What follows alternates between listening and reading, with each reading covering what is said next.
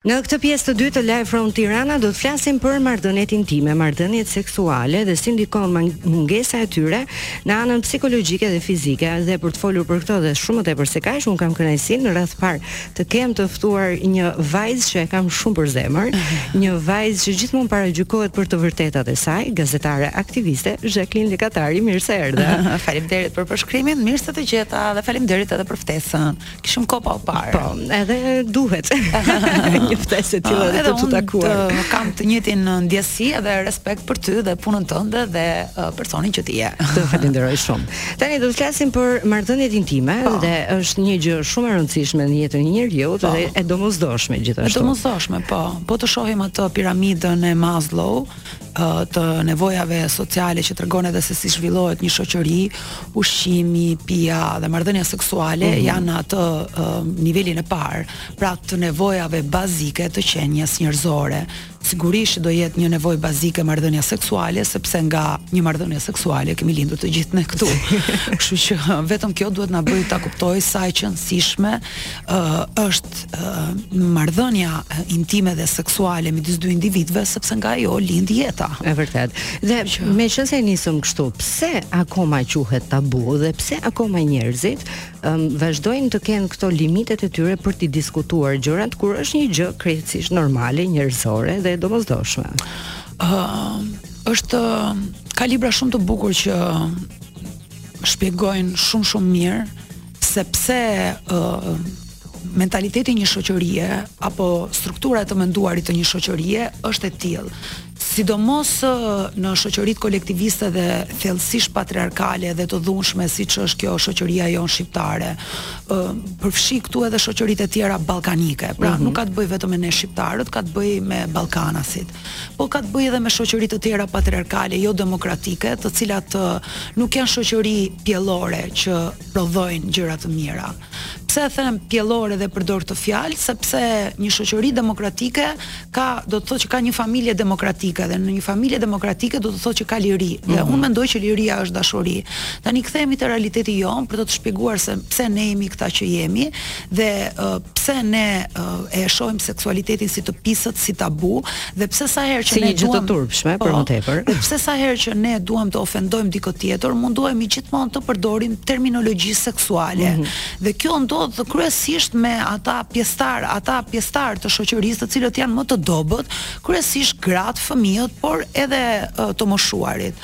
Ëm uh, uh, mënyra uh, Morali dhe etika të shoqërive, të shoqërive demokratike ose të shoqërive perëndimore janë të zhvilluara në bazë të të drejtës romake dhe në bazë të të ligjeve fetare, pra të ligjeve judaiko-abrahamike, pra të mendimeve kristiane të kishës. Mm -hmm.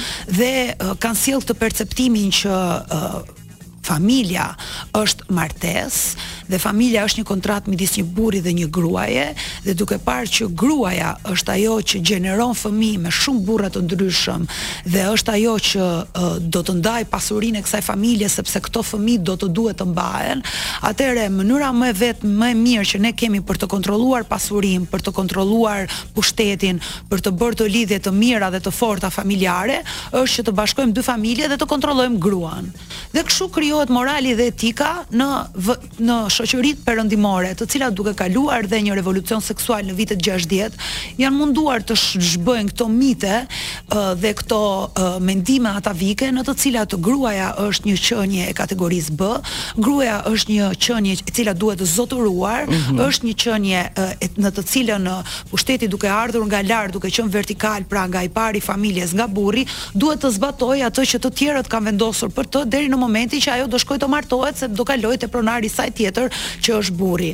Kur vijmë te shoqëria jonë shqiptare, morali dhe etika jonë janë të përbëra nga kodet tona shoqërore, pra nga kanuni, nga kanuni i Labërisë, nga kanuni i Lekë Dukagjinit dhe nëse ne e shojmë e shkojmë e shohim të gjithë historikun e folklorit shqiptar, do të gjejmë aty edhe ë uh, erotik vjersha erotike të cilat tregojnë në një farë mënyre që në një të kaluar pagane Shqipëria ka qenë e lirshme dhe ka përjetuar seksualitetin mirë dhe pastaj pushtime të ndryshme si ai otoman por dhe si ai komunist kanë bërë që mentaliteti dhe ajo çka është etike e morale dhe e pranueshme të ndryshojë Dhe me kalimin e shekujve kjo është shtresëzuar në një sistem zotërimi, toksifikimi, të turpit dhe të nderit, i cili mban njerëzit e mbërthyer dhe nuk lejon që ato të jenë vetja.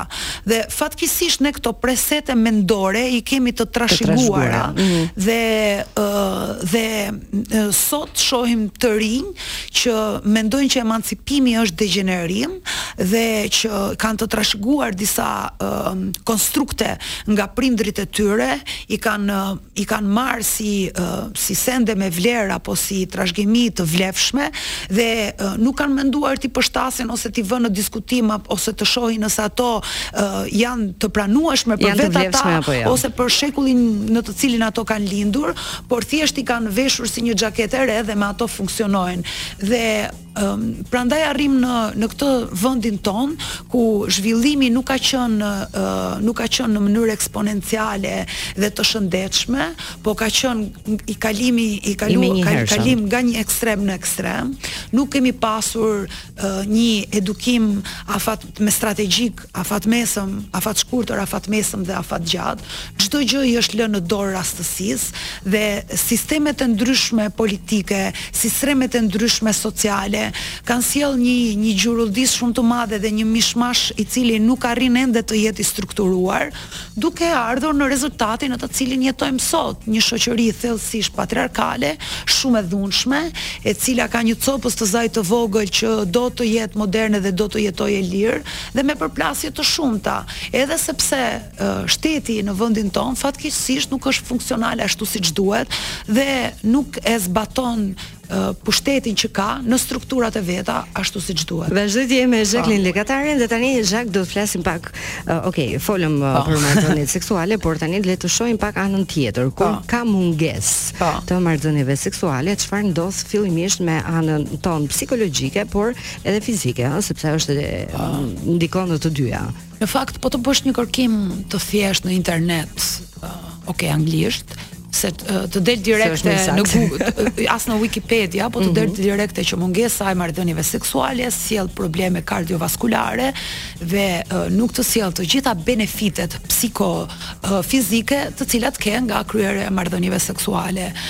Ne e të gjithë e dimë që marrëdhënia seksuale është një burim shumë i mirë i dopaminës, i shkarkimit të stresit, i prurjes së energjisë, i lidhjes edhe rilidhjes shpirtërore me partnerin dhe të gjitha këto sjellin benefite na bëjnë të ndihemi më mirë, na bëjnë që trupi jonë të funksionojë më mirë, na bëjnë që zemra jonë të funksionojë më mirë, na bëjnë që mendja jonë të funksionojë më mirë, na bëjnë që qelizat tona të oksidohen më mirë, sepse nuk kemi asnjë lloj çrregullimi apo disekuilibri hormonal. Dhe kështu që ne kemi një gjendje të përgjithshme psikofizike emocionale shumë më të shëndetshme kur kryejmë marrëdhënie seksuale, sepse marrëdhënia seksuale nuk është vetëm akti fizik. Marrëdhënia seksuale është dhe një vallëzim i shpirtrave dhe i ndjenjave dhe i emocioneve të dy partnerëve, është një buqetë e bukur ndjenjash. Kështu që përfitimet janë uh, të mëdha edhe në sistemin tonë nervor, edhe në trupin tonë, pra thjesht te fizikun tonë, dhe sigurisht që mungesa e marrëdhënieve seksuale do sjelli dhe mungesën e gjithë këtyre përfitimeve. Tani si ndryshon uh, një mashkull dhe një femër? Pra kur një mashkull nuk ka kryer marrëdhënie seksuale dhe një femër kanë demonstrime të ngjashme apo ndryshojnë nga njëri tjetri? Ë, uh, shiko për shembull tek tek burrat uh, është mirë që të kryejnë edhe uh, onanizëm ose të masturbohen sepse uh, kjo gjë parandalon kancerin e prostatës. Pra, Edhe marrëdhënia seksuale që ne kemi me veten, por edhe marrëdhënia seksuale që ne kemi me të tjerët, vetëm nga fakti që na çliron nga stresi, pra nga sëmundja e shekullit dhe na shkarkon ë të gjitha ato emocionet negative, automatikisht nëse ke sadopak njohuri mbi ë biologjinë ose mbi mënyrën e funksionimit të të trupit të njeriut, e kupton se sa e rëndësishme që është ë që është që ne të marrim dashuri edhe në një formë të tillë nga partneri.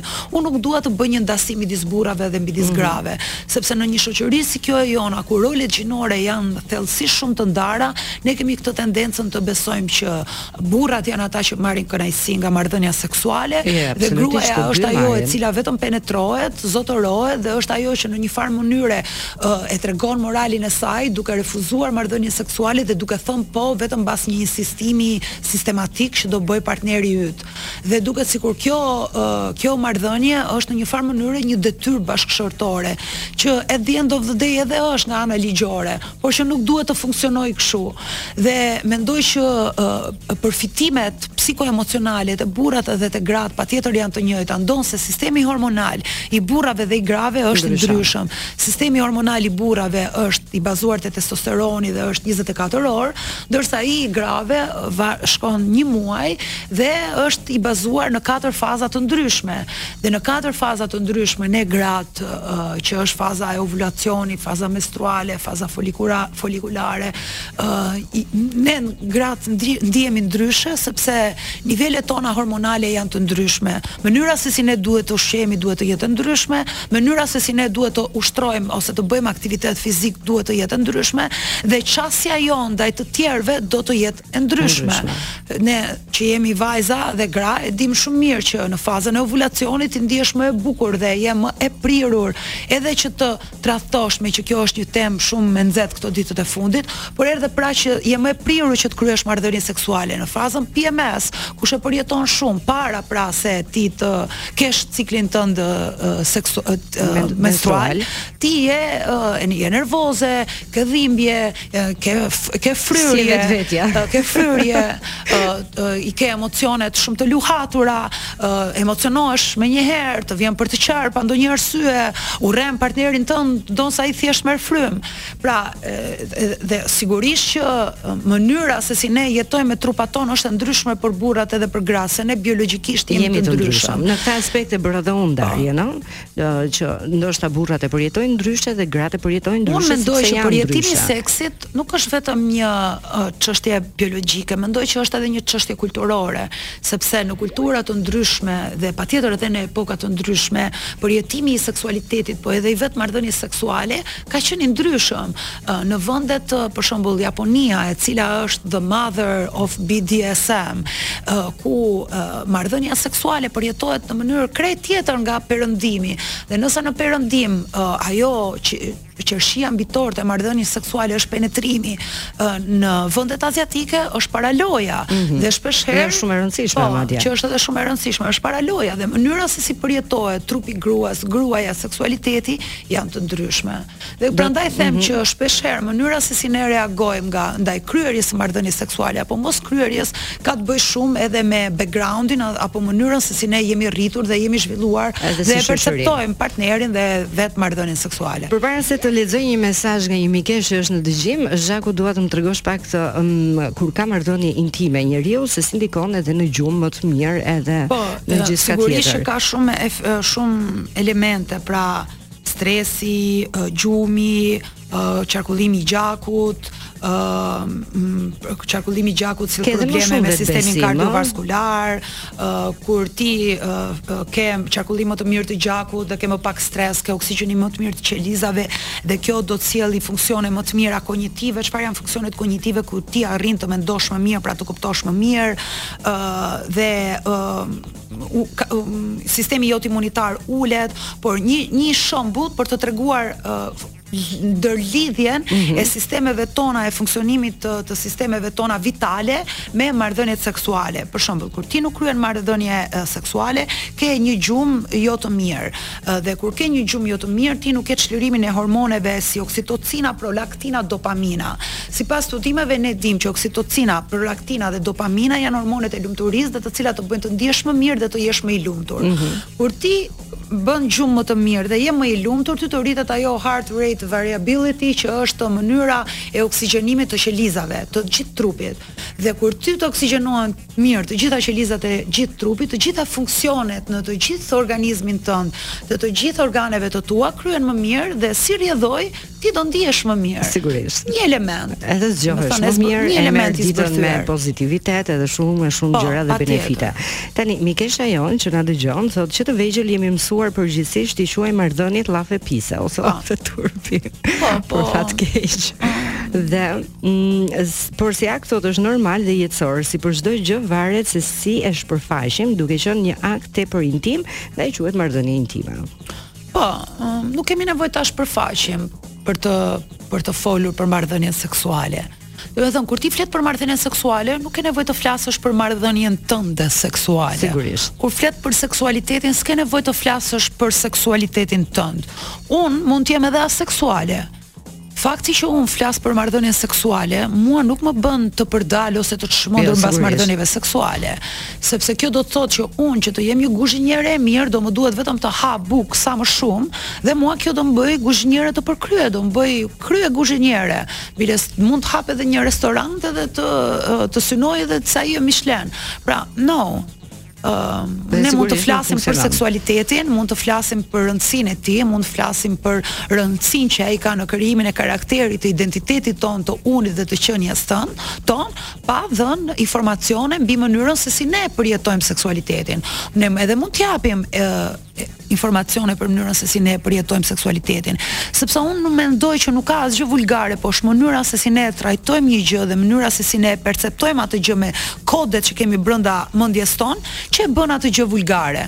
Për shembull, nëse tani mua po më dëgjon një uh, djalë i cili është rritur në një mjedis shumë patriarkal, shumë fanatik, i cili mendon që gruaja përdhunohet sepse vishet me të shkurtra, mm -hmm. në këtë moment ai do mendojë që unë jam e degjeneruar dhe jam duke nxitur të rinjtë që të bëjnë një jetë promiskue dhe të degjeneruar. Fjalët e mia ai përkthen në gjuhën e vet dhe kupton ato copëza të cilat ai në bazë të aftësive të veta kognitive mund të kuptojë.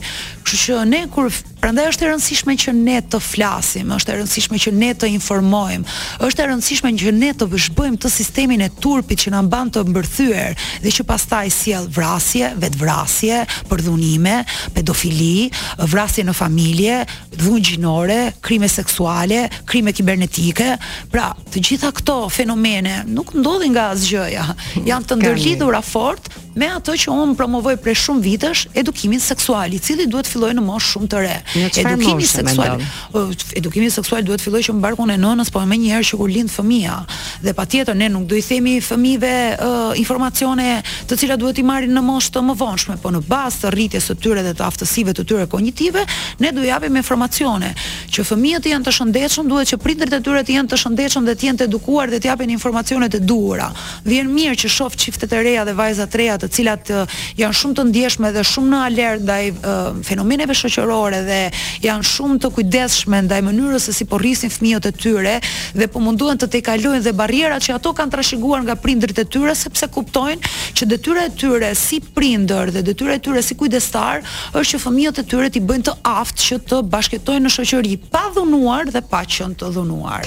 Çfarë ndodh Zhak me ata persona që mund të jenë të izoluar, të izoluar brenda një shtëpie si Big po. Brother, të izoluar um, për arsye nga më të ndryshmet, si e demonstrojnë ata mungesën apo ato mungesën e marrëdhënieve seksuale?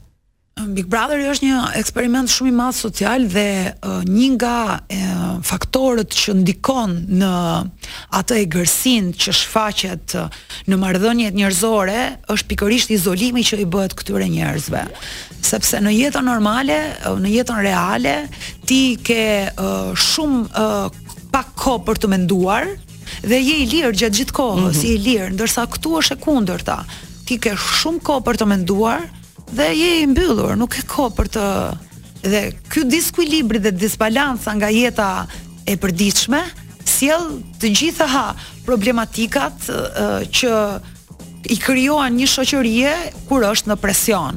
Pra të gjitha anët negative të karakterit të njeriut apo emocionet apo mungesa e tolerancës, ë të cilat dalin në përgjithësi kur njeriu është në gjendje jo të favorshme, ë dhe kur njeriu nuk ka akoma atë inteligjencën e lartë emocionale për të kontrolluar emocionet e veta, ndodhin ato që ne kemi parë. që ndodhin edhe në jetën reale, po mhm. aty janë më të emfatizuara dhe më të zmadhuara pikërisht për shkak të izolimit. Dhe prandaj njerëzit janë nervozë, kanë ankth, ë ë dalin nga vetja më kollaj. Nuk, nuk është dalin nga vetja, shkojnë tek po, ajo pjesë e vetes që mundohen ta fshehin edhe që mhm. në një shoqëri civile ne mundohemi ta përpunojmë edhe ta bëjmë më të mirë.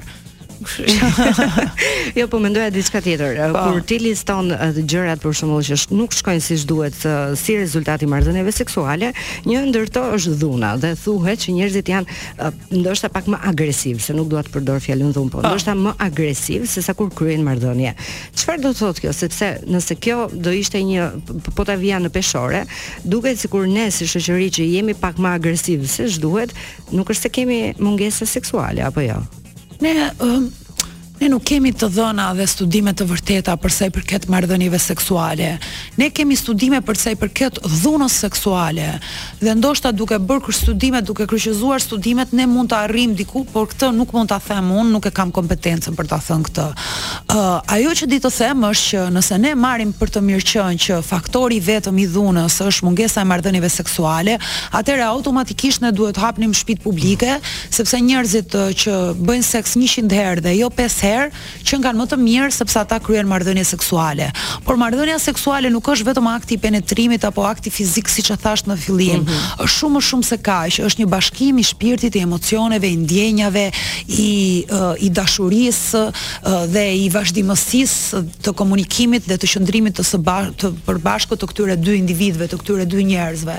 Kështu që duk unë dhunën ashtu sikurse marrëdhënien seksuale e shoh si një faktor ose problem kulturor dhe edhe dhuna edhe dhuna në familje dhe dhuna ndaj grave sikurse mentalite varet komplet nga mentaliteti dhe nga mënyra e asaj që ne e e kemi përkthyer në vlerë dhe në traditë që ne e kemi të trashëguar brez pas brezi dhe që uh, ne e ndërlidhim me uh, posesivitetin edhe me e të, tjetrin si pronë, me si të, me toksicitetin edhe me të të të, të të kamjes, të, të pasjes dhe jo të lirisë dhe të të, të të të ushqyerit të tjetrit në mënyrë që tjetri të bëjë mënyrën më të versionin më të mirë të vetes. Po po dëgjoja dje një psikolog që po thoshte që marrëdhëniet bashkëshortore apo në çift kanë filluar të bëhen shumë toksike, që nga mënyra se si ne flasim për pjesëtarët e familjes. Ai është burri im, ajo është gruaja ime, ai është fëmija im. Në momentin që ne ne duhet të largojmë këtë fjalën i imi, mm -hmm. sepse ai është një individ tjetër, një qenie tjetër, më vete, është më vete, pavarësisht se ne kemi ndërkoneksion apo mhm. ndërlidhje. Mm -hmm. Dhe vetëm kështu mund të funksionojnë marrëdhëniet, nëse ne kuptojmë që edhe personat e familjes tonë të ngushtë janë persona më vete, janë të tjerë dhe ne duhet të mundohemi të komunikojmë me të tjerët, duke i zhvilluar ata, duke i ndihmuar ata, duke bërë më të mirën atyre. Normalisht edhe ata duhet të bëjnë të njëjtën gjë me ne. Është reciproke, oh. sigurisht. Ja kemi ardhur në fund, oh. dua të të falenderoj shumë e dashur. Faleminderit edhe ty dhe të uroj një ditë të mbarë në vazhdim. Faleminderit, faleminderit edhe juve.